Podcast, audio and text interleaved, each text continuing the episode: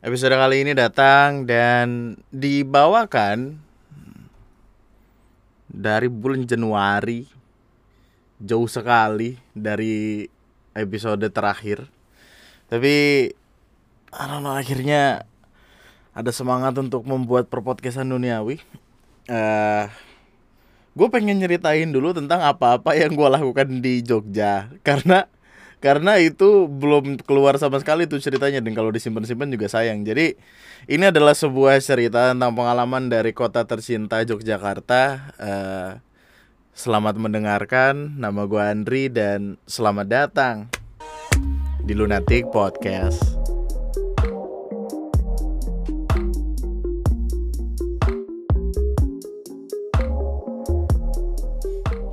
Eh, jadi selamat datang, selamat malam, selamat malam dan selamat datang kembali di Lunati Podcast. Gue ini tanggal berapa Tuhan? Tanggal berapa sih? 15. Oh my lord. 15 Januari 2021, 2022. Bangun tidur. Jadi tadi siang itu habis ngerjain video lagi videonya lagi diedit sama Windu. Terus gua tidur terus bangun jam eh kayak jam 10 jam 11-an sekarang jam 00.02 hmm. Bagus. Terus tiba-tiba ngelihat sebuah cerita kayak ada orang cerita-cerita ngobrol-ngobrol gitu tentang eh perjalanannya gitu-gitu lah terus gue baru ingat gue sama sekali belum ngebahas tentang perkara gue di Jogja nih gitu apa yang terjadi gitu. Dan karena ini masih kelanjutan dari Arcturus, apakah kita perlu ngebikin podcastnya sesuai dengan tema yang ada? Tema hari ke... Sekarang hari ke berapa sih? 26 Apa temanya 26 ya? Bisa nggak disamain? 20, 26 Oh jarak, bagus. Bagus, pas banget. Jadi Kayaknya emang gue sengaja kebikin Sengaja ke Jogja dulu untuk kebikin podcast yang ini. Jarak. Arcturus Day 26 Oh, tulisannya kita baca tulisannya dulu, sederhana sekali. Setelah sekian malam kesepian, aku baru sadar kalau yang memisahkan kita berdua bukanlah jarak yang terbentang, melainkan ketidakmampuan untuk jujur kalau kita saling membutuhkan. Anjay, goks, respect. Iya, jarak kita sebenarnya dekat. Gengsilah yang membuatnya jauh. Hmm. Hmm. Dan itu make sense loh banyak sekali orang yang seperti itu pada akhirnya. Kayak ada ada beberapa makhluk hidup ya di dunia. Cowok sama cewek terutama. Yang pada dasarnya mereka menyukai satu sama lain. Tapi pada akhirnya terpisah bukan karena jarak yang jauh bukan karena yang satu di Depok yang satu di Bekasi. Yang mana itu tentu jauh sekali dari ujung ke ujung bukan.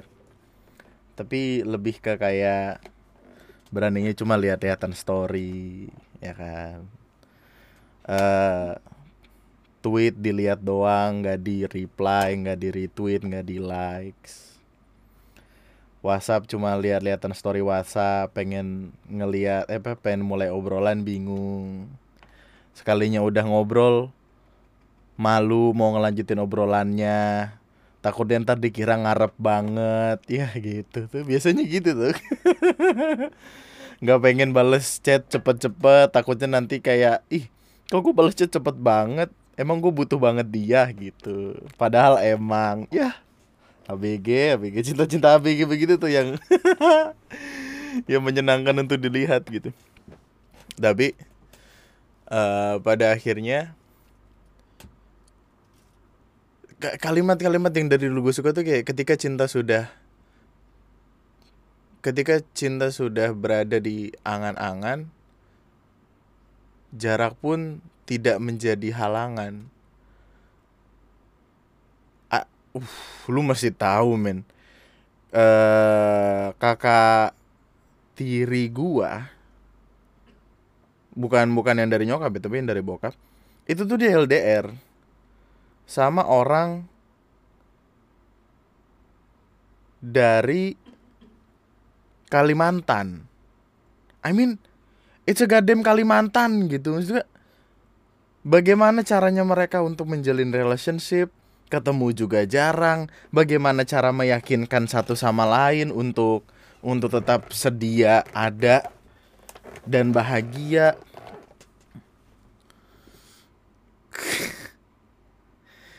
It's just so freaking funny to understand. Kayak gue mungkin kalau jadi dia gue nggak akan bertahan lama dalam hubungan itu. Tapi ya jarak adalah jarak. Cinta adalah cinta. Itu dua entitas yang berbeda. Kalau cinta bisa lebih kuat ya dia bakal bisa ngalahin jarak. Tapi kalau jaraknya lebih kuat ya udah mau cuman dari lu Bekasi ke Depok juga? Kalau misalkan apa namanya kalau misalkan cinta lo nggak kuat ya udah ambruk aja gitu. Tadi dulu gue login lain dulu. Nah. Selalu selalu lucu selalu menyenangkan untuk melihat bagaimana sekiranya cinta berkembang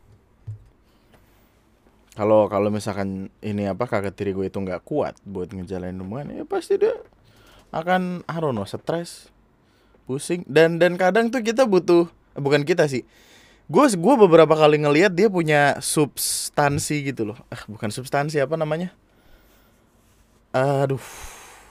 Jadi kayak dia tahu nih cowok dia jauh gitu. Jadi dia butuh cowok lain untuk bersandar gitu loh. Tapi pada akhirnya dia nikahnya sama cowok yang di Kalimantan gitu. Tapi di Jakarta gue tahu nih dia sering ngerokin orang ngerokin cowok. Dia diantar jemput sama cowok yang gitu-gitu loh kayak kayak apa ya? Bukan pelarian kalau pelarian tuh kesannya kayak nih orang ninggalin apa ninggalin ditinggal cowok atau ninggalin cowok kemudian lari ke cowok lain dengan sekedar supaya ada temennya. Ini tuh dia kayak butuh pengganti yang nyata di deket dia gitu. Dan itu lucu sekali.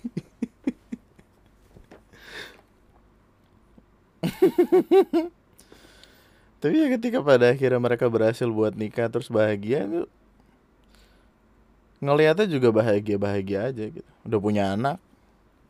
Gue nggak tahu sih setelah itu perkembangannya gimana karena gue terakhir ketemu yang dia punya anak kecil itu doang udah gitu tapi ya pada akhirnya jarak itu akan gue yang yang gue suka waktu itu ada kalimat obrolan dari Arif Muhammad sama Reza Arab. Terus apa hal paling menyenangkan dalam nikah?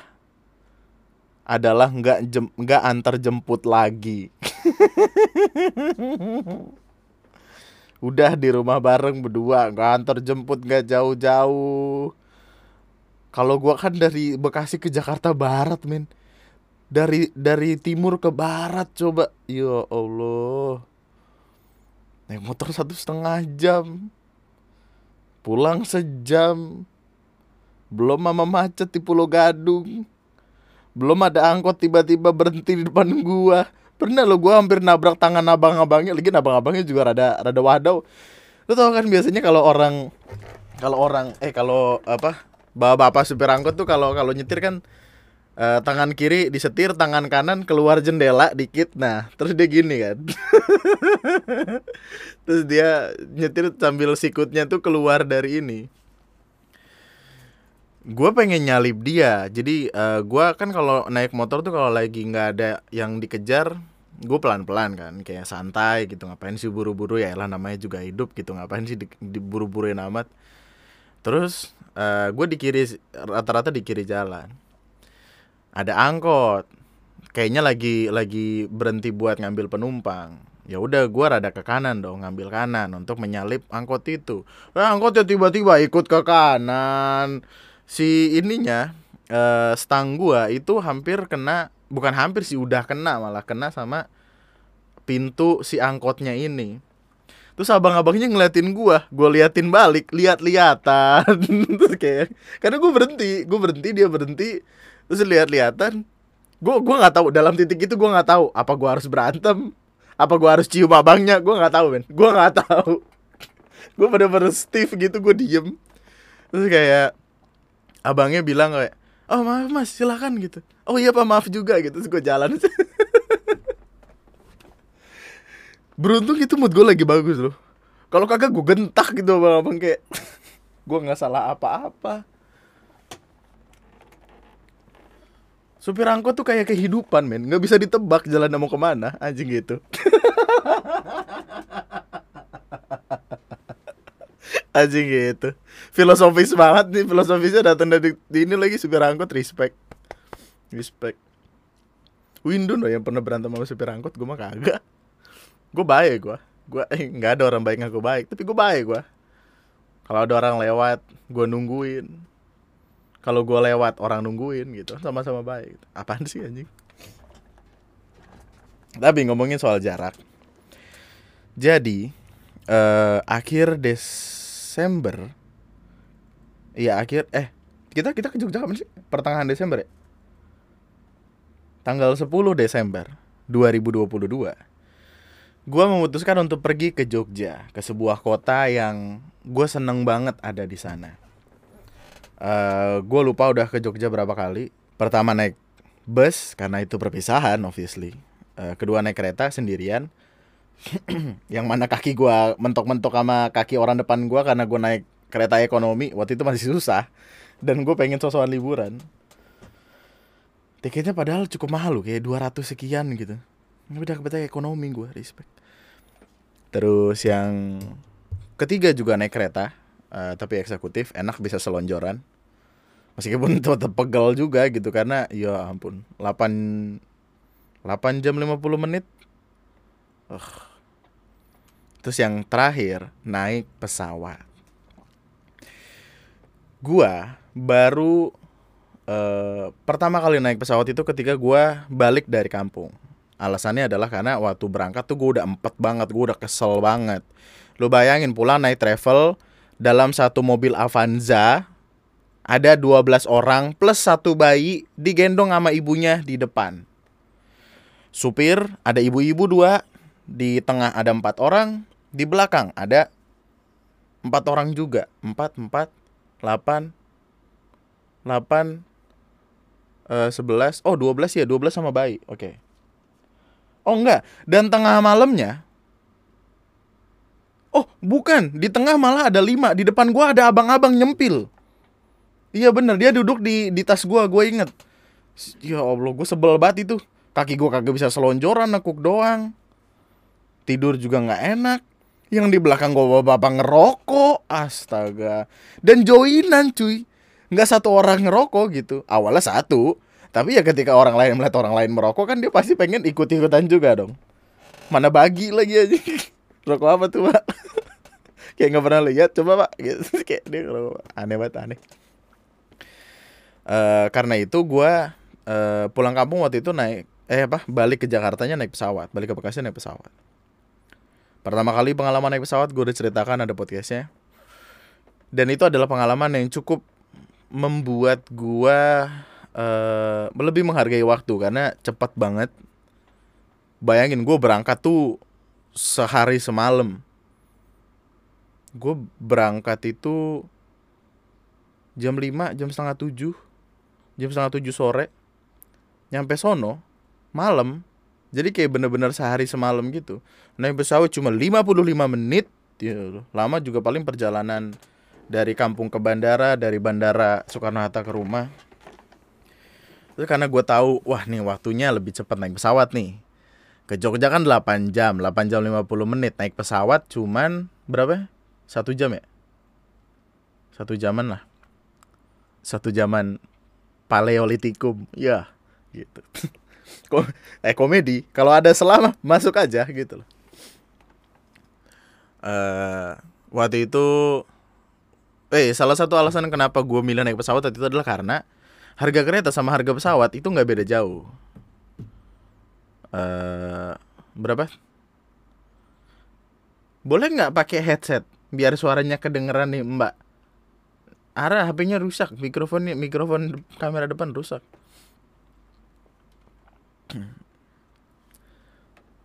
Jadi uh, naik Lion, berangkat gue naik Lion, respect, Lion the one and only uh, apa namanya pesawat murah dan menggemaskan Siapa yang tidak suka naik Lion? Pasti ada orang-orang kaya. Ngapain orang kaya naik Lion? Orang kaya mah naik jet pribadi. Goblok ngapain naik pesawat? Ya. Orang kalau udah kaya mah punya jet pribadi.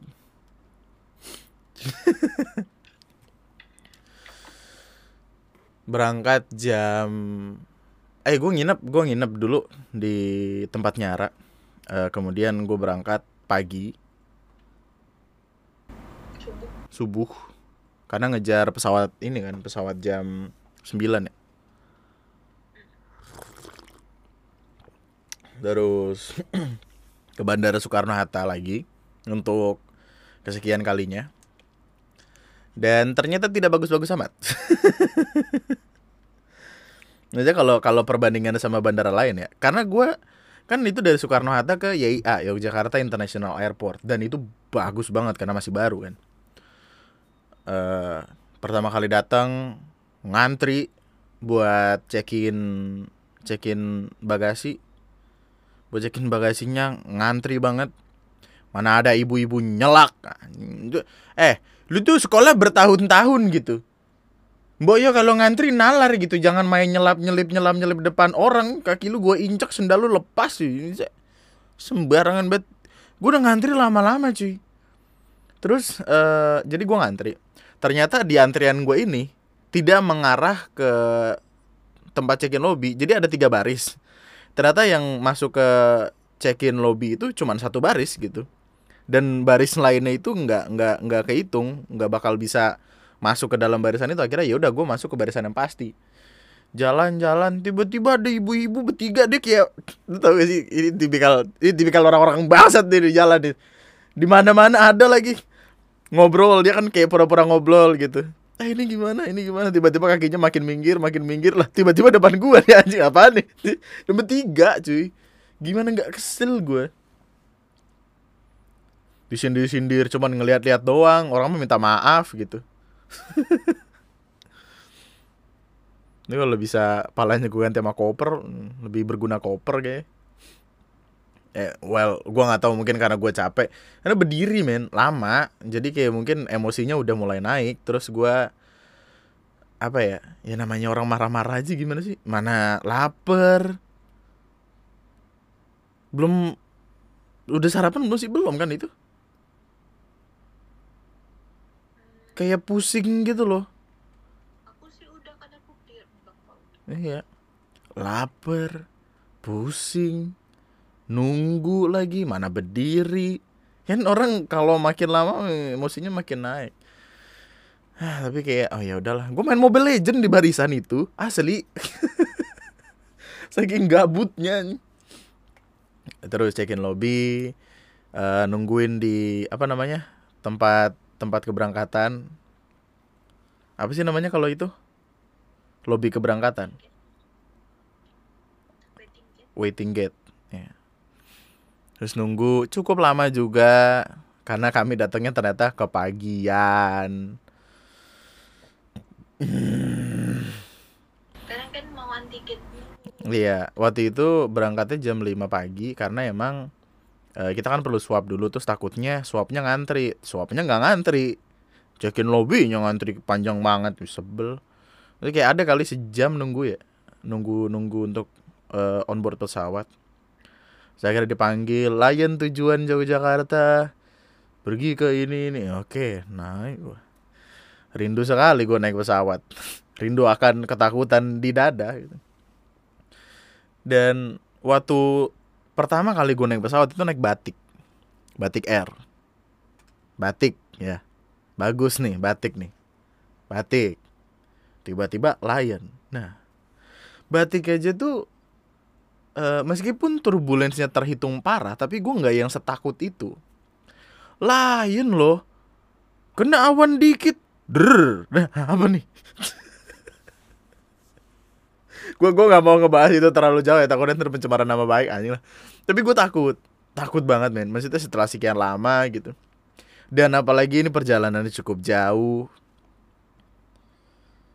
Turbulensi sedikit geter-geter.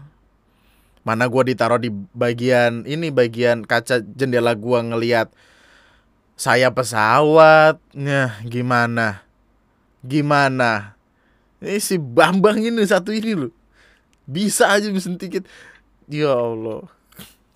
Bukan gua gua bukan bukan bukan bukan malah jadinya nggak bisa ngelihat view bagus. Bukan itu perkaranya. Gua ngeliatin saya pesawat yang ngeplak ngeplak ngeplak ngeplak gimana ngeregekan jiwa. Maksudnya gue nih masih newbie nih dalam perkara perpesawat-pesawatan baru dua kali itu nih pesawat tiba-tiba disuruh ngelihat yang apa namanya yang kayak semacam mesin pesawat gitu yang di kiri sama kanan kan kelihatan tuh. Muter-muter goyang-goyang ya terus gue sepanjang jalan sumpah gue sepanjang jalan kayak aduh. Ini kok kelihatannya kayak rapuh banget ya ini pesawat ya? Kalau copot gimana nih gitu deg-degan deg-degan. Eh tapi tiba-tiba sampai. Ketakutan gue itu tidak eh, tidak pada ketika take off atau landing. Karena lu mesti tahu jalanan Lampung kayak apa. Lu mesti tahu eh, supir-supir bus di Lampung kayak apa. Jadi gue terbiasa untuk merasakan jalanan yang getar-getar atau naik turun gitu. Cuman perasaan terbangnya itu ya masih belum terbiasa. Itu gue terbang di langit loh, yang biru, amat banyak menghias angkasa. Tapi itu pengalaman yang menyenangkan. Take apa landing di Yogyakarta International Airport. Airportnya bagus banget. Uh, dan harusnya itu biasanya orang kan kalau turun di Adi Sucipto ada Sucipto itu di di kota ya hitungan ya di kota Jogja gitu maksudnya dekat banget sama kota lah kalau YIA itu karena bandara baru ditaruhnya di paling bawah buat gitu kayak dekat-dekat pantai gitu uh, ya di di dekat-dekat Gunung Kidul. Tapi ternyata setelah dicari tahu jadi Adi Sucipto itu bandara Adi Sucipto dipakai untuk pejabat pejabat-pejabat terus pangkalan militer gitu-gitu kayaknya. Jadi mungkin kelas-kelas kayak Garuda mungkin ditaruhnya di situ. Tapi ya udah bisa dari turun dari YIA ngelihat semua pemandangan yang ada bahkan buset bagus banget bro itu gue tidur di situ kagak apa-apa dah. Maksudnya itu bagus banget itu tempat.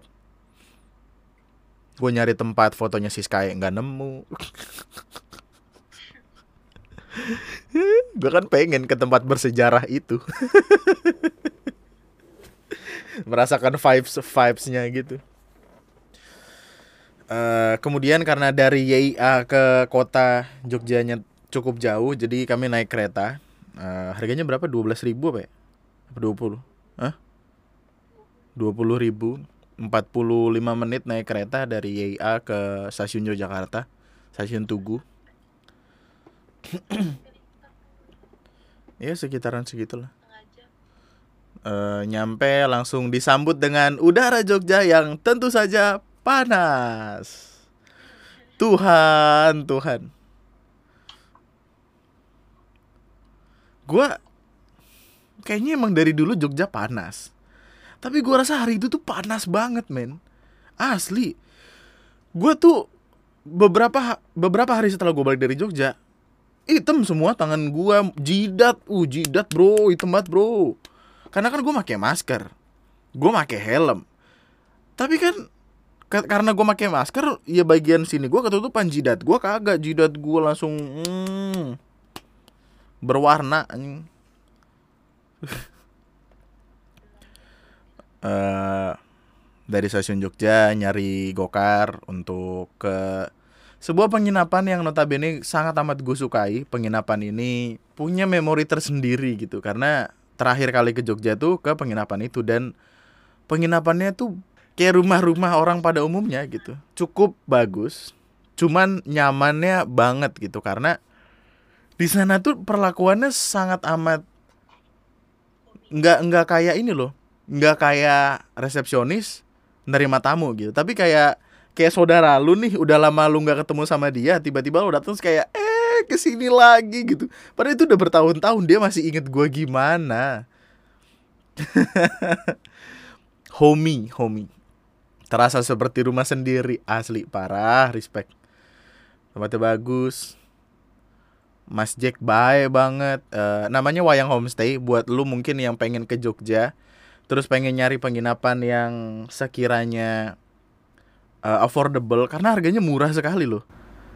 sama itu ya apa satu lagi BNB Iya, kalau kalau jadi ada ada dua wayang eh, wayang Airbnb sama wayang homestay. Wayang homestay itu lebih ke lebih ke ya kayak lu nyewa kamar gitu. Tapi kalau air yang Airbnb eh, lu kayak kayak satu kamar nih bisa dipakai buat banyak orang gitu loh.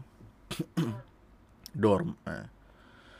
Harganya waktu itu juga dapat diskon lagi berapa 180 ya? 180 per hari. Gue lima hari di sana berarti cuma ngabisin kayak sekitar 700 800 ya.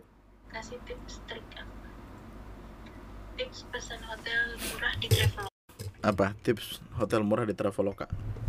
tadinya itu Traveloka itu sering bikin sering bikin promo di Jumat malam dari jam 7 sampai jam 9 jadi kalau mau cek cari-cari hotel jam segitu dia sering ada promo Jam 9. Hmm, Oke. Mungkin mungkin podcast ini akan gue naikin di ini ya Lunatic Twister ya. Untuk podcast ini aja gitu karena eh bakal ada visualnya. Gue pengen ini nanti bakal editingnya bakal gue kasih ke Windu deh. Untuk nambahin footage footage ini yang yang ketika gue di Jogja. Karena ada cukup banyak dan cukup menyenangkan sekali. Hari pertama nyampe langsung disuguhin sama panas. Terus ketemu Mas Jack, ngopi-ngopi, ngobrol-ngobrol. Cuman hari pertama yang gue lakukan adalah tidur. gua harus gua akui badan gua udah makin lemah. Gua nggak kuat untuk perjalanan terlalu jauh. Mungkin karena udah umur, mungkin karena jarang olahraga. Berat badan nambah, mungkin itu juga perkaranya. Tapi gua gampang capek dan nyampe itu kan eh, sekitar sekitaran jam satu lah ya jam satu terus ngobrol-ngobrol segala macam sampai asar asar gue tidur bangun tengah malam terus karena ini tengah malam ah ngapain bangun? Eh, tidur lagi. Sampai jam 8 pagi. Wow. Sungguh sangat produktif sekali. Niatnya ingin liburan malah tidur tidur. Jet lag gue jet lag. Dari Bekasi ke Jogja jet lag anjing. Lucu banget. Tapi itu salah satu tidur ternyaman gue karena setelah capeknya banget langsung tidur langsung gue bisa tidur keesokan harinya eh, langsung ngobrol-ngobrol lagi sama Mas Jack karena emang kayak rumah sendiri bro. Tuh orang baik banget dah gue mah heran. Yang gue paling ingat itu perkara ketika eh jadi kan kita berangkat hari Jumat ya? Hari Sabtu. Ya Jumat. Oh Jumat. Jumat nyampe tidur Sabtu bangun. Nah Sabtunya itu kami pengen eh, sate kelatak papong karena itu tempat memorable sekali buat buat gua waktu itu. Terus gua ngobrol-ngobrol ternyata eh, sebelum sebelum ke sate kelatak papong mending itu deh nyobain mie ayam dulu karena kan se- sejalur gitu searah gitu. Terus kayak mie ayam apa nih gitu. Terus gue cari tahu mie ayamnya itu namanya mie ayam butu mini. Eh dan bro, biar gue kasih tahu, ketika lu udah makan mie ayam di situ, nggak ada lagi mie ayam di luar sana yang rasanya lebih enak dari itu. Tidak, ti- jangan mie ayamnya deh, cekernya. Beuh, Gua kalau punya kesempatan untuk balik ke Jogja, makanan yang pertama kali gue cari adalah ceker butu mini. Bukan kaki butu mini maksudnya. Ceker ayam yang dijual oleh butu mini. Itu gokil, enak banget, gua nggak bohong. Uh. Jadi mie ayam, em, gua gua mie ayam, Ara mie ayam, murah banget. Mie ayam mie ayam polosan tuh 8.000 kalau gua nggak salah. Bro, mie ayam 8000 Di sini udah 12, 13. Ada tempat brengsek banget itu adalah di sini 15.000 mie ayam doang, kagak pakai bakso. Sawi juga suprit-suprit.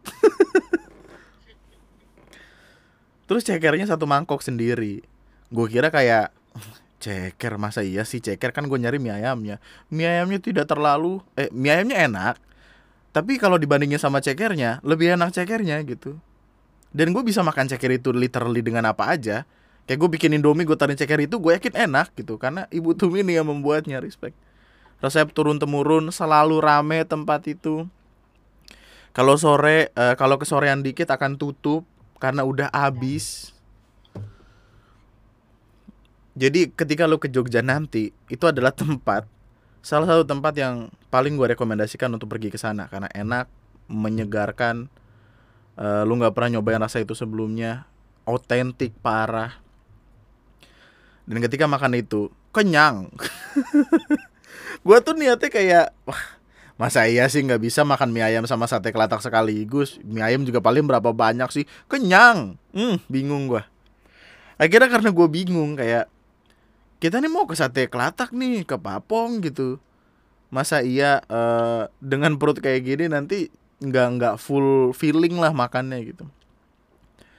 Akhirnya pergilah kami ke eh, apa namanya? Hutan pinus sebuah tempat yang sangat tidak direkomendasikan kalau lu naik beat. Apalagi kalau beatnya sepuh. Tempatnya bagus gue pengen lu ke sana menarik menyenangkan adem banyak spot foto harganya masuknya juga murah. Cuman berapa? Goceng ya? Eh? Iya, goceng. Parkir parkir empat ribu apa dua ribu gitu. Goceng. Murah lah. Nggak nggak perlu duit banyak cuman perjalanannya kalau lu pakai motor yang salah hmm hmm hmm hmm, hmm. gue naik motor yang notabene tuh kayaknya dibuat ketika zaman penjajahan Belanda itu motor digas batuk dipakai buat nanjak hmm, lemes bener kayak kemangi pecel aja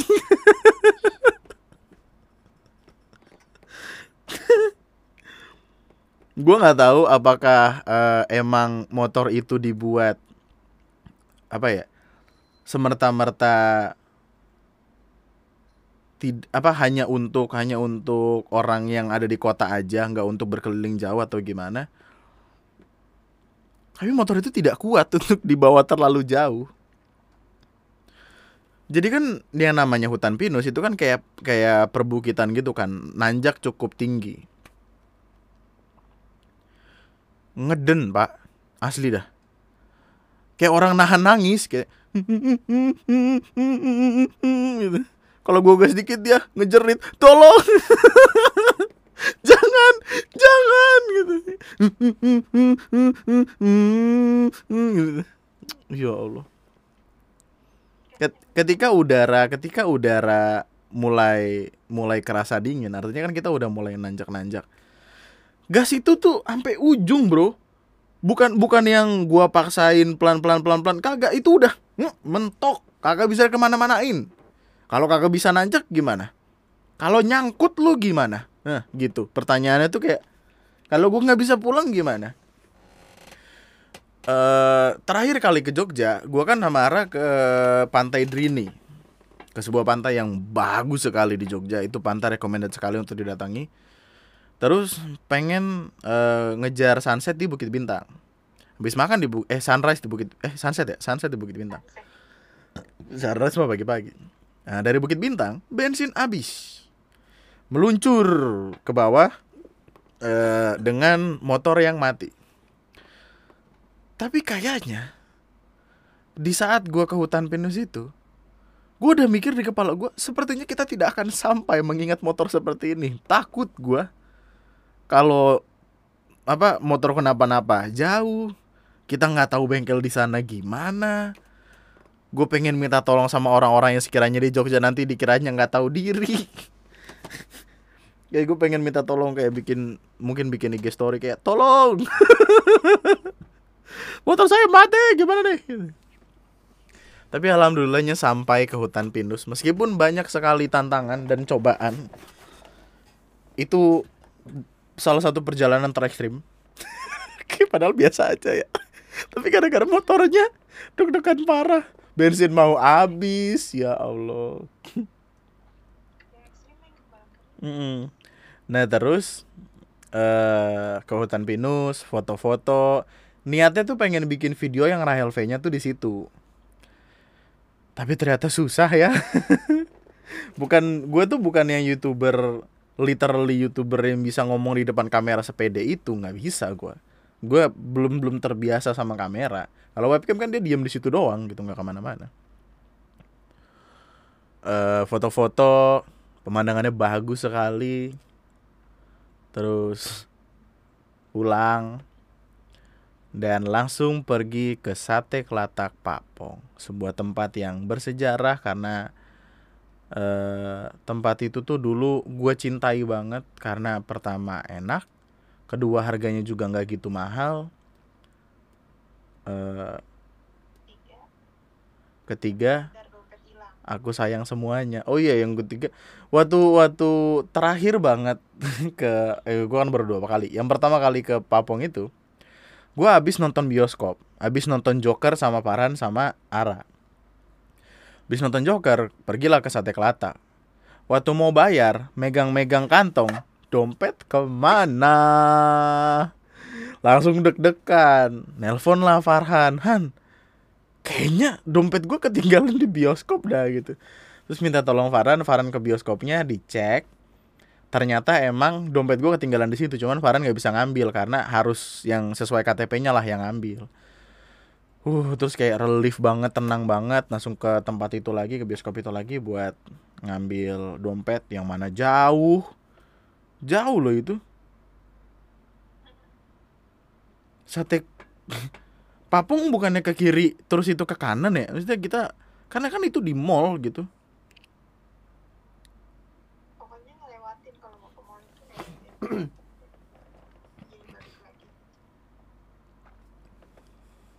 lupa aku. Terus yang untuk kedua kalinya ke Papong itu tempatnya sudah sangat jauh berbeda karena mungkin eh sate Papong itu jadi terkenal banget. Kemudian apa ya? Jadi saking ramenya tuh dia nggak cukup untuk di tempat itu doang. Akhirnya dia ngebikin dua tempat lain ekspansi lah gitu. Yang mana sebenarnya tetap kurang karena masih rame, itu pun tuh masih rame. Bahkan ketika gue dateng tuh eh, mbak-mbaknya bilang kayak ini pesanannya mungkin jadi eh 45 menit sampai sejam ya kalau nggak salah ya. Terus gue kaget nih sebanyak kayak itu emang gitu. Dan bahkan ada pengeras suaranya gitu yang bilang kayak pesanan yang sedang dibuat adalah nomor segini ke segini. Kata gue, ya tempat gokil juga nih gitu. Sebanyak itu yang datang apa. Nyoba lagi sate kelataknya eh, dan to be gue nggak tahu kayaknya rasanya apakah ini untuk kali kedua atau gimana rasanya tetap enak tapi tidak seperti yang pertama kali gue ke sana ada sesuatu yang beda aja gitu gue nggak tahu mungkin eh tempatnya mungkin cara gue menikmati makanannya gue nggak tahu. Tapi ya tetap enak dan tetap murah gitu. Dua puluh sembilan ribu nggak sih? Dua puluh sembilan ribu untuk satu porsi sate kelatak yang mana itu adalah dua sate dengan tusuk dari jari-jari jari-jari sepeda. Sepedanya family kalau nggak salah. Family. Family Eh, lalu habis dari Jogja itu eh habis dari Jogja habis dari sate kelatak itu nikmatin makanannya enak segala macam baliklah ke penginapan.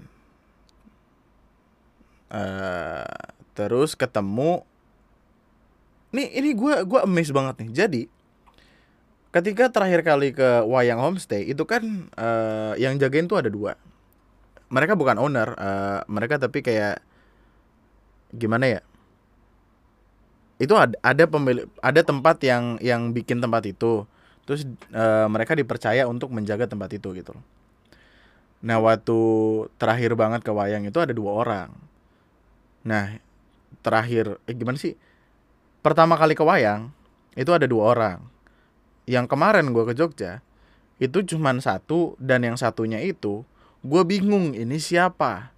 Gue tanyalah ternyata itu adalah anak dari mas mas Jack.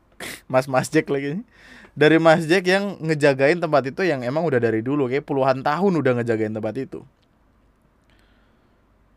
Terus gue bingung ini anak umurnya berapa? Dia ngejawab berapa tahun? 21 21 tahun gua kaget. Nanti gua ketampilin footage-nya deh. Eh, tentang pemiliknya tuh kelihatan masih muda. Jiwanya tuh jiwa muda. Cara ngobrolnya juga kayak anak muda. Rambutnya gondrong. Punya anak umur 21 tahun. Gua kaget gue bingung. Saya kira ngobrol-ngobrol sama dia main Mobile Legend. Gokil. Terus tidur. Eh dan sarapan bangun dengan sarapan yang selalu enak. Sarapannya kan kayak setiap harinya tuh akan setiap hari dalam seminggu itu akan ganti. Dan akan diulangi mungkin di minggu selanjutnya. Dan makanannya itu selalu enak-enak porsinya juga cukup. Lalu di hari minggunya itu gua ada janjian ketemu sama anak-anak discord gua. Eh ada cukup banyak. Nggak nggak banyak banyak apa sih cuman kayak 10 ada ya? Sembilan. 9 sama kita. 9 orang. Dan tenang itu semuanya sudah di swab aman negatif semua. Jadi santai. Ada baju tersendiri untuk itu. Saya tidak ingin nantinya ada orang wah ini liburan nih. Kagak udah swab semua aman. Dan zaman itu emang eh gue sengaja milih tanggal itu karena emang covid case tuh lagi lagi rendah banget. Dan ya udah yang penting eh protokol kesehatannya nggak nggak nggak putus gitu. Terus ngumpul sama mereka di sebuah villa salah satu villa gitu di salah di di di tengah perumahan orang kaya gitulah.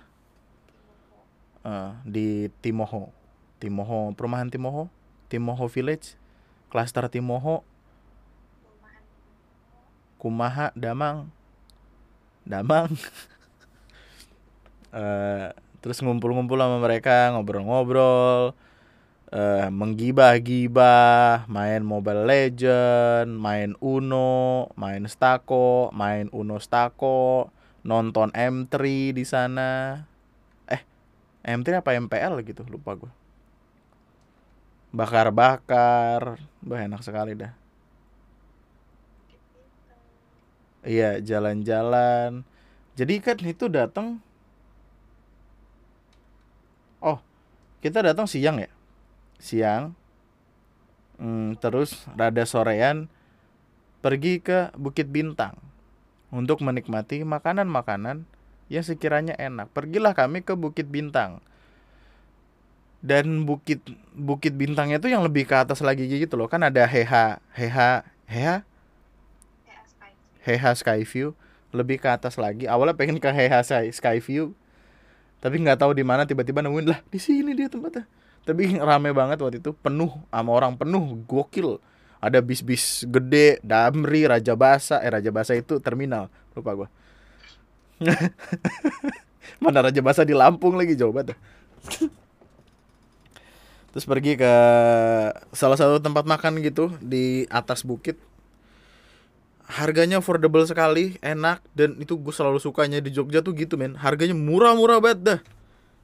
Gue kalau di Jakarta nggak mungkin gue bisa bisa apa ngabisin duit se makan dengan jumlah yang cukup banyak sampai kenyang dengan harga yang segitu tuh bu privilege Jogja banget itu. Jogja istimewa ya mungkin mungkin itu akan terkesan eh, affordable untuk orang-orang yang dari luar Jogja ya. Tapi kalau orang dari Jogja sendiri gue kurang tahu dah. UMR Jogja dua dua dua berapa gitu.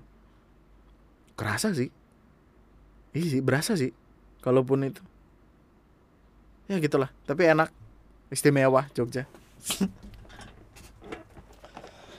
Habis dari situ eh pulang rada maleman karena hujan. Motor rada sulit lagi nanjak karena ya bro namanya aja udah bukit bintang. Pasti bukit dong nggak mungkin ngelewatin laut. Nanjak nanjak nanjak lagi motor ngeden lampu. Lampunya juga kayak lampu senter. Malah mungkin lebih lebih terang lampu senter daripada lampu itu. flash HP lu dah. Flash HP lu sama lampu itu lebih terang flash HP lu. Bingung gua. Turun dari situ ke penginapan, bakar-bakar, makan-makan, kemudian tidur. Eh, terus siangnya karena itu adalah hari terakhir mereka, jadi kayak mereka cuma sehari dua hari doang di sana. Eh, ada yang tiga hari juga tapi. Cuman untuk mengakhiri itu gue pengen ngajak mereka ke sebuah tempat makan tercinta yang ku cintai yang ku banggakan. Segara Giri. Jadi ada sebuah tempat makan gitu. Eh, tempat makan ini punya temen gue.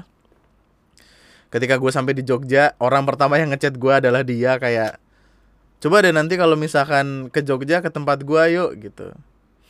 Eh, dan gue cobain, enak, viewnya bagus. Cuman sebelumnya gini,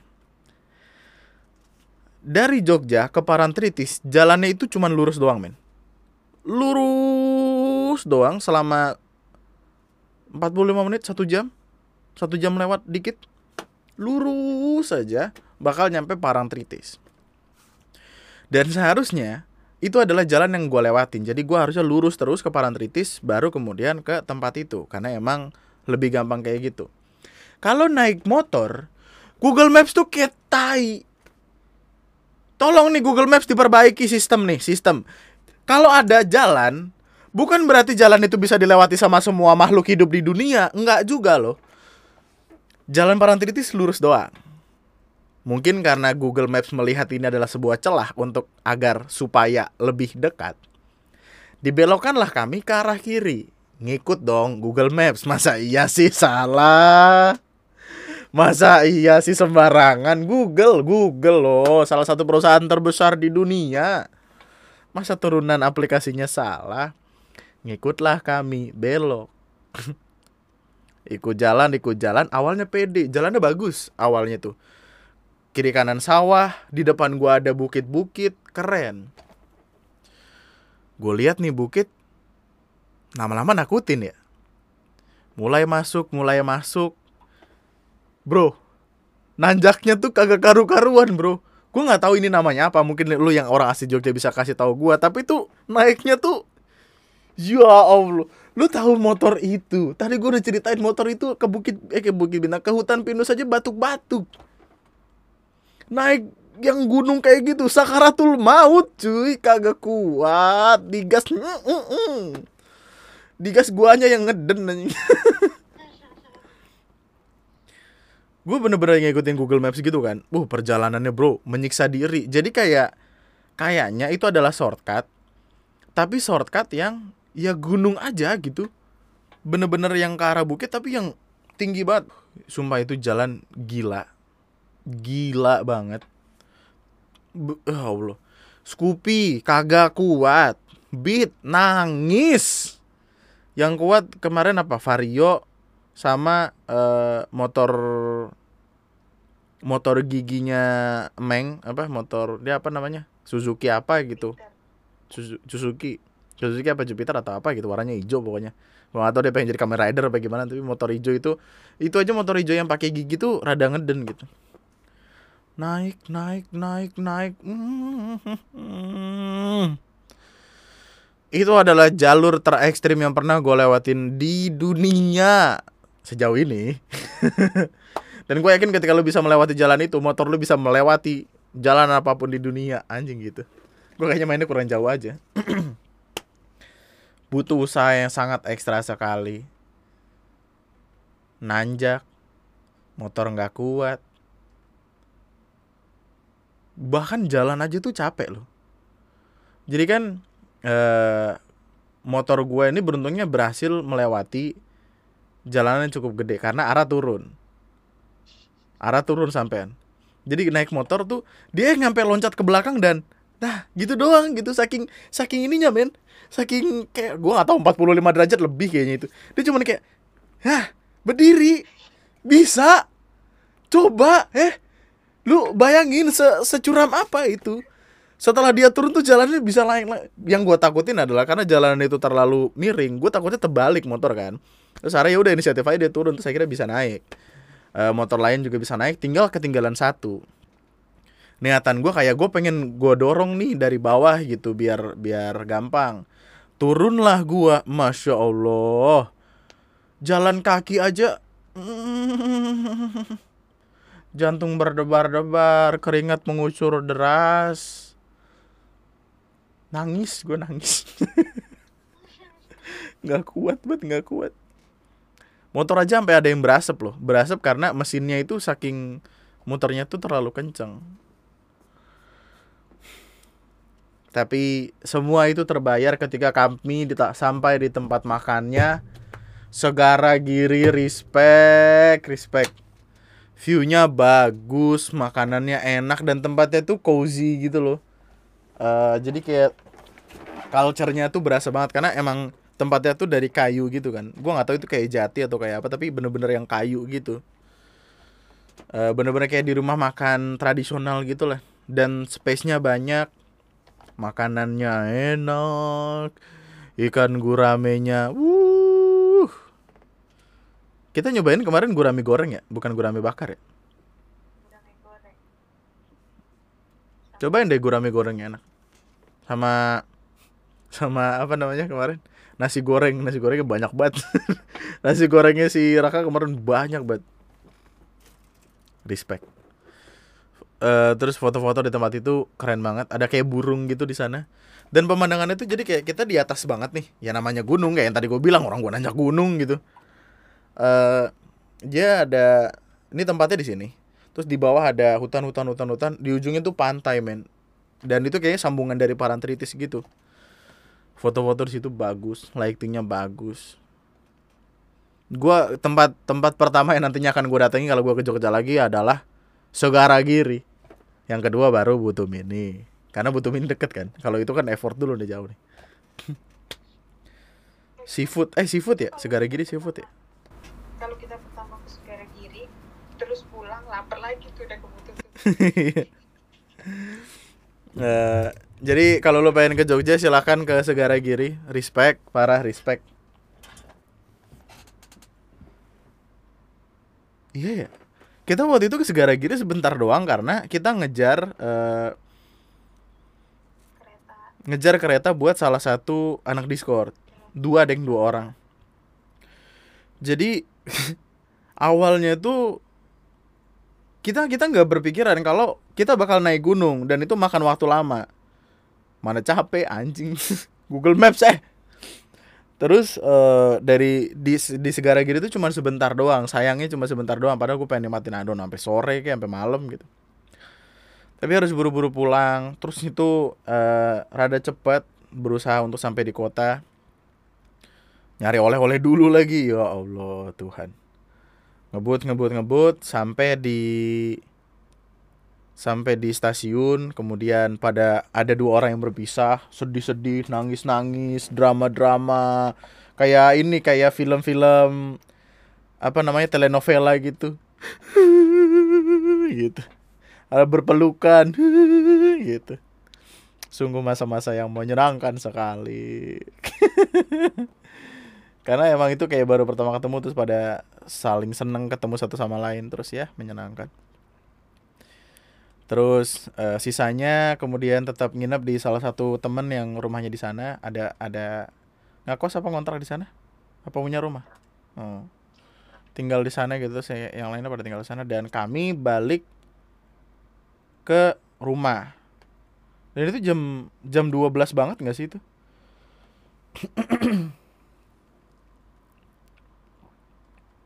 pokoknya cukup malam deh. Cukup malam karena sebelum sebelum itu ngobrol-ngobrol dulu. Cukup malam balik ke eh bukan ke rumah ke homestay ke wayang homestay lagi. Terus lucunya ditanyain sama mas-masnya. Gue berasa punya bapak baru gue gue datang buka pintu terus ditanya kayak kemarin nggak pulang dari mana? Ya gitu. Eh eh dari eh gue datang nih. Terus kayak dari mana? Gitu kemarin nggak pulang ke mana? Buset. Respect respect.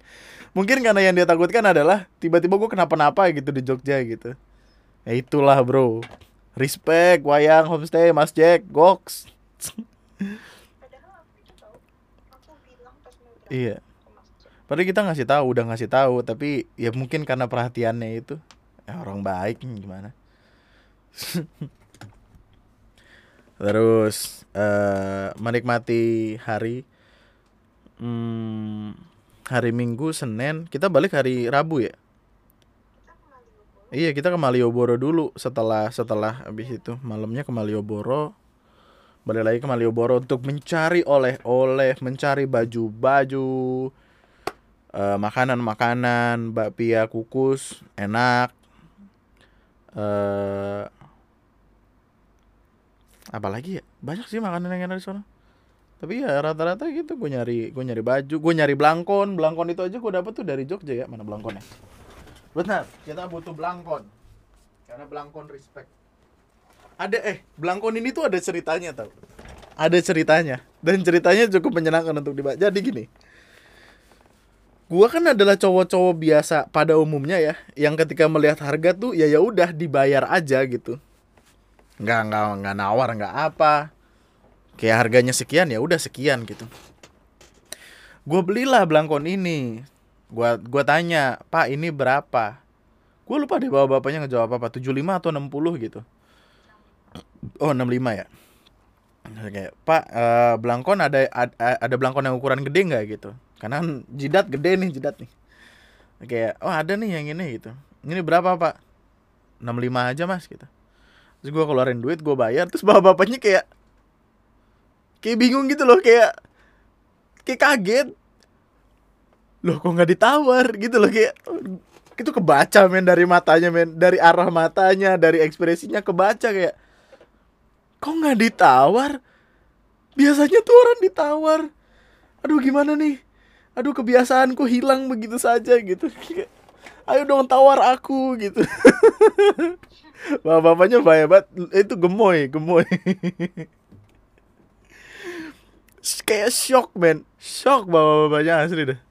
Respect respect. Terus ada temen gua eh, apa deh si Nam terus bilang kayak kelihatan nggak tadi bapak bapaknya kaget tahu nggak ditawar. Lucu banget nyari bapia nyari baju eh apa nyari segala macem lah kemarin tipsnya apa yang dari ibu-ibu itu kalau mau ke Malioboro dari ibu-ibu yang jualan Dari sore masih sepi. kencengan kencengan Dari sore masih sepi. Tapi itu kan pas hari berikutnya pas aku sendiri ke sana. Heeh, Kalau masih sore masih murah kayak sore-sore tuh kayak jam empatan gitu mereka baru pada buka. Terus harganya tuh biasanya masih murah dan masih sepi. Jadi heeh. enggak enggak apa ya orang apa yang jualan juga jadi nggak nembak harga gitu loh biasa bahasa kasarnya Heeh. Jadi kayak kalau lo pengen belanja di Malioboro, disarankan sama ibu-ibu baik penjual di sana untuk eh, datangnya itu ketika mereka baru buka. Karena eh, ketika baru buka kan ya berarti yang jualan itu tinggal apa masih sedikit kan. Dan ketika masih sedikit itu mereka nggak yang tiba-tiba apa harganya terlalu mahal gitu.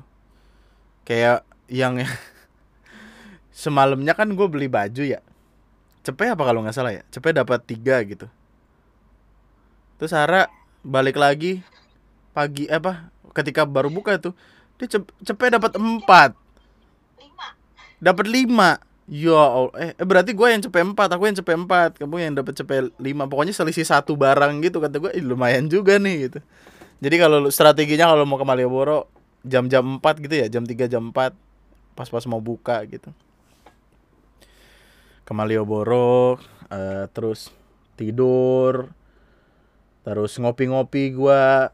Yang yang paling menyenangkan adalah di hari-hari terakhir gua di Jogja gua kan akhirnya ngobrol banyak tuh sama Mas Cik sama ada satu orang eh, apa namanya atlet atlet pon gitu. Eh, dia emang atlet gitu. Dan dia atlet penembak men. Atlet tembak. Dia pernah ikut. Kemarin aja yang pon Papua dia ikut. Eh terus gue ngobrol banyak sama dia. Seru gitu loh obrolannya. Menyenangkan sekali. Terus waktu lagi ngobrol-ngobrol tiba-tiba Mas Jack bawa air tape. Air tape itu itu bukan bukan yang memabukkan atau apa ya. Ya udah air tape aja yang rata, rasanya tuh kayak asem terus kayak ada sprit spritnya gitu loh. Enak dah asli. Gue kalau ada di sini pengen gue cari dah. Dan dan senengnya gue adalah gini loh. Gue tidak lagi diper, diperlakukan seperti tamu nggak kayak yang dia datang tiba-tiba terus kayak mau nggak mas? Enggak gitu. Jadi kayak Mas Jack ngebawa botol terus nunjukin kayak coba lihat deh dapat kayak ginian gitu. Jadi kayak kayak satu keluarga lagi ngumpul di ruang tamu men. Asli itu itu seru banget gila gue nggak pernah ngerasa kayak di rumah banget gitu. Gue lagi ngobrol sama mas-masnya terus anaknya Mas Jack lagi main gitaran gitu. Tiba-tiba Mas Jack datang kayak lihat dah ini tinggal satu-satunya ini tadi dijual sambil nunjukin itu botol tape gitu apa botol air air tape gitu. Oh itu kayaknya either hari Senin atau hari Selasa deh waktu lagi kelas terus kamu lagi ke Malioboro sendirian. Iya hari Selasa. Eh, terus Mas Jack langsung ke belakang ke dapur ngambil gelas empat biji terus ya udah ditaruh aja gitu masing-masing terus dituangin gitu. Nggak nanya nggak apa bener-bener kayak ya udah ini ini rumah lu terus lu nikmatin bareng gua gitu. Aja nggak enak banget itu tempat seru banget terus gue ngobrol-ngobrol ngebahas tentang candi-candi. Next time gua kalau ke Jogja gua akan ke candi-candi Prambanan gitu deh. Jadi dia kayak satu wilayah terus yang isinya candi semua gitu dan bagus gitu. Ngobrol-ngobrol dan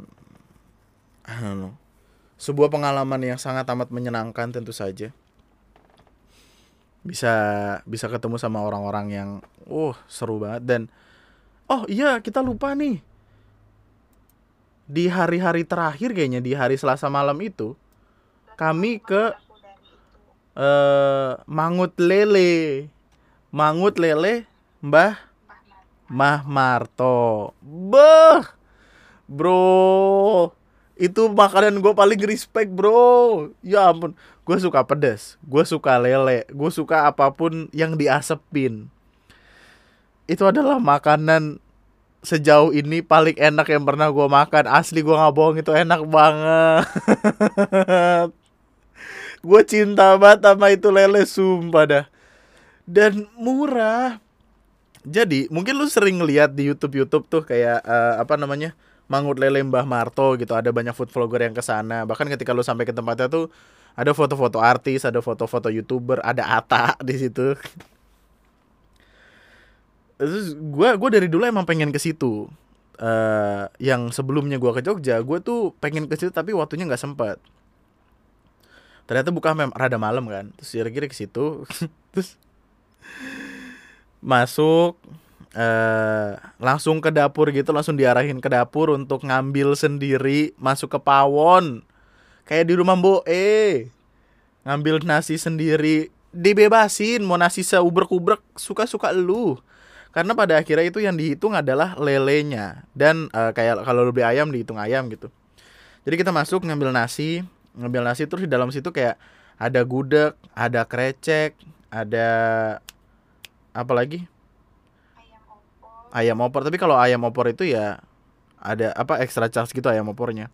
Intinya digratisin tuh eh, krecek eh, apa namanya gudeg sama kuah-kuah kuah ini kuah mangut lelenya. Dan gua ngambil cukup banyak kan. Uh gue beli gua beli lelenya dua bro. Saking cintanya gua. Enak banget gila. Dan pedesnya tuh juara juara gitu loh. Karena dia pedesnya nggak yang pedes menyakitkan gitu nggak kayak yang pedes ricis kan pedes ricis kan kayak tai ini menyakitkan gitu. Meskipun gue pada akhirnya sering banget beli ke ricis lagi. Tapi untuk mangut lele tuh dia pedesnya tuh pedes yang pedes gurih jadi nagih gitu. Pokoknya ketika lu makan itu lu akan pengen lagi empuk. Tapi empuk ya empuknya tuh bukan empuk yang pecah gitu ya. Meskipun udah diasapin segala macam dia tetap empuk. Mm, no debat dah itu enak banget makanan terenak yang pernah gue makan mangut lele. The best of the best. Nggak ada lagi tuh. Kalau gue ketemu makanan lain gue coba dah. Tapi buat sekarang itu dah masih itu mangut lele. Respect. Dan harganya murah gitu. Waktu itu kita berempat ya. Berempat habis berapa deh? Ah itu untuk berlima. Berlima. Kan satunya dibungkus. Kayaknya habis 100 berapa gitu. Jadi kayak satunya tuh mungkin 35 ribuan lah. 20 30 sampai 35 ribu untuk satu porsi lele itu kalau lu ke Jogja tempat yang wajib ku- lu kunjungin Segara Giri obviously. Mie ayam butuh mini sama mangut lele Mbah Marto. Kenapa sate kelatak papong udah enggak karena enggak buat gue pribadi udah enggak mungkin gue akan mencoba ini sate kelatak pabari ketika ke Jogja. Karena gue pasti favorit place gue tuh masih di Jogja gitu Bandung mungkin adalah hal yang lain lagi Bogor hal yang lain lagi tapi Jogja tuh tetap number one favorite gitu loh. Dan ya akhirnya setelah semua itu gue pulang balik ke rumah eh, dan beruntungnya adalah ketika kami di Jogja menikmati segala macam itu nggak pernah hujan. Siang pagi ke sore itu nggak pernah hujan enak gitu. Hawanya tuh mendung-mendung tapi nggak hujan. Beberapa tempat terik sekali tentu saja. Kayak kita pertama kali datang terik banget. Bahkan yang ke yang ke abis dari mie ayam butuh mini untuk pergi ke hutan pinus tuh terik banget. Tapi nggak yang hujan gitu loh. Hari terakhir hari mau pulang hujan. Seperti semesta sedang bilang kayak udah jangan pulang di Jogja aja gitu. Tapi kan ya bro ada kerjaan yang harus diurus asap dapur harus tetap mengebul gitu loh. Akhirnya pulang naik gokar untuk pergi ke eh, YIA Yogyakarta International Airport. Karena naik kereta tuh takutnya nggak keburu karena perlu swab dulu eh. Terus tolong nih bandara YIA nih. Yang swabnya kan swab harganya 99.000 ribu kenapa kagak kembali 1000 nih? Gitu aja nih kita nanya nih bye bye nih swab 99.000 ribu dikasih 100 ribu lah kagak kembali kita gitu. Bukan bukannya gua mempermasalahkan 1000 gitu. Bukannya kayak gitu tapi kan ada ini loh kejelasan gitu. Ini bukan tentang nominalnya tapi tentang bagaimana pekerjaan. Ah, nggak deh. Gua nggak tahu itu emang emang pajak mungkin pajak seribu gitu. Nggak tahu juga.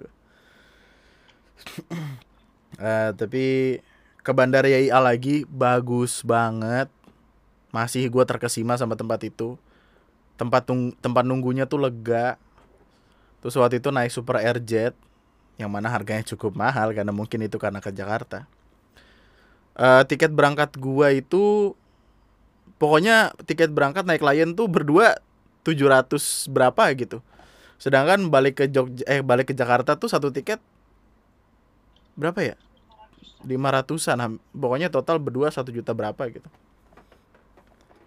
Dan Super Airjet respect bagus. Kaki sengganya bisa lebih lega ya daripada Lion nih, tolong. Bisa bisa rada rada selonjoran kita. Terus dingin banget ada ada footage gue balah jadi kayak dia AC-nya tuh kayak keluar keluar gitu dingin dinginnya seru Eh, dan gue nggak tahu mungkin karena maskapai baru mungkin pesawat baru atau gimana tapi turbulensinya tuh tidak yang sebegitunya berasa dan nyaman aja gitu naiknya. Ini bukan lagi promosi ya gue kagak kenal gue siapa yang punya super edit kagak kenal tapi mungkin karena emang maskapai baru jadi ya pelayanannya bagus. Dan bambanya respect lu dia bukan bukan kayak pramugari konvensional pada umumnya gitu. Jadi kayak pramugarinya tuh make kayak jaket gitu terus keren gitu anjing. nyampe di Jakarta eh, hari Rabu eh, terus ya langsung bertamasya. Akhirnya gua ngerasain kemacetan lagi. Karena kan gua balik eh, dijemput sama Windu kan. Ngerasain kemacetan lagi. Mencium aroma-aroma knalpot Jakarta lagi. Dan ya setelah itu ya udah menikmati perjalanan sepulang ke Bekasi akhirnya balik lagi ke kamar ini terus gue kayak yang bro harus menghadapi realita kembali. Dan ya di sinilah kita sekarang ngobrolin tentang apa yang terjadi di Jogja. Jogja akan selalu menjadi tempat favorit gua di mana pun kapan pun karena I don't know kehangatan warganya tempat makanan yang enak-enak murah-murah apalagi gue beli nasi kucing masih dua ribu bro. Nasi kucing Jakarta tiga ribu. Eh beberapa tempat pemandangannya bagus meskipun kadang panas gue tahu. Tapi keramah tamahan orang-orang itu selalu selalu masih menjadi yang paling juara. Mas Jack di Wayang Homestay yang sudah menganggap kami layaknya keluarga gitu. Semoga sehat selalu. Apa pun yang di apa pun yang dilakukan di dunia semoga diberkati. Dan lu kalau pengen ke Jogja gue sarankan sangat amat gue sarankan untuk pergi ke Wayang Homestay. Di Traveloka aja skornya 9 men. Reviewnya tuh ratingnya 9 gitu. 9,8 9 pokoknya hampir mendekati sempurna gitu. Meskipun tidak 100% karena kita tahu kesempurnaan hanya milik Allah Subhanahu wa taala dan Andra and the Backbone. Tapi skornya tinggi sekali 9,6 9,8 bro itu itu adalah bukti dari kecintaan orang-orang terhadap wayang. Segara Giri tempat yang banyak sekali ceritanya karena karena karena Segara Giri dari perjalanannya tempatnya bagus e, terus balik dikejar-kejar waktu untuk pergi ngejar kereta. Ush, that's amazing. Makanannya ramah tamah. Dan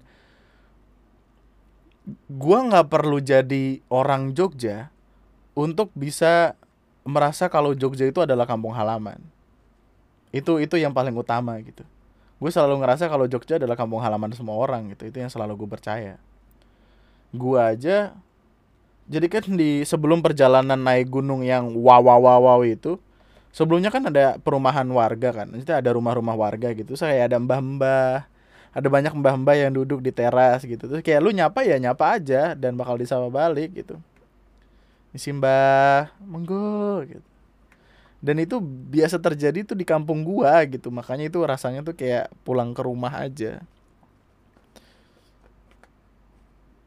Di IG gua tuh ini ini yang ini yang kemarin gue lupa nih. Gue lupa untuk mengecek uh, pelang pelang terbalik yang ada di depan Mall Malioboro tuh yang gue taruh di IG gue gue masih pengen nyari tahu itu masih kebalik apa enggak gitu. Tolong dibikin terbalik terus aja sih.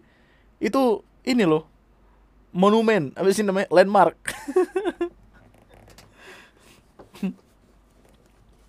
Tapi ya buat siapa pun lo yang pengen ke Jogja segeralah ke sana kalau lu ada duit untuk pergi bertualang ke Jogja dulu aja uh, gue tahu banyak perdebatan nantinya di luar sana. Gue tahu bahkan uh, di Jog di, di Jogja di Twitter juga ada beberapa orang yang ngebahas tentang perkara romantisasi Jogja gitu yang padahal uh, di sana tidak apa ya warganya tidak semakmur kelihatannya bla bla bla bla bla bla. Tapi ya Jogja tetap istimewa Jogja tetap spesial. Di luar kelitih ya.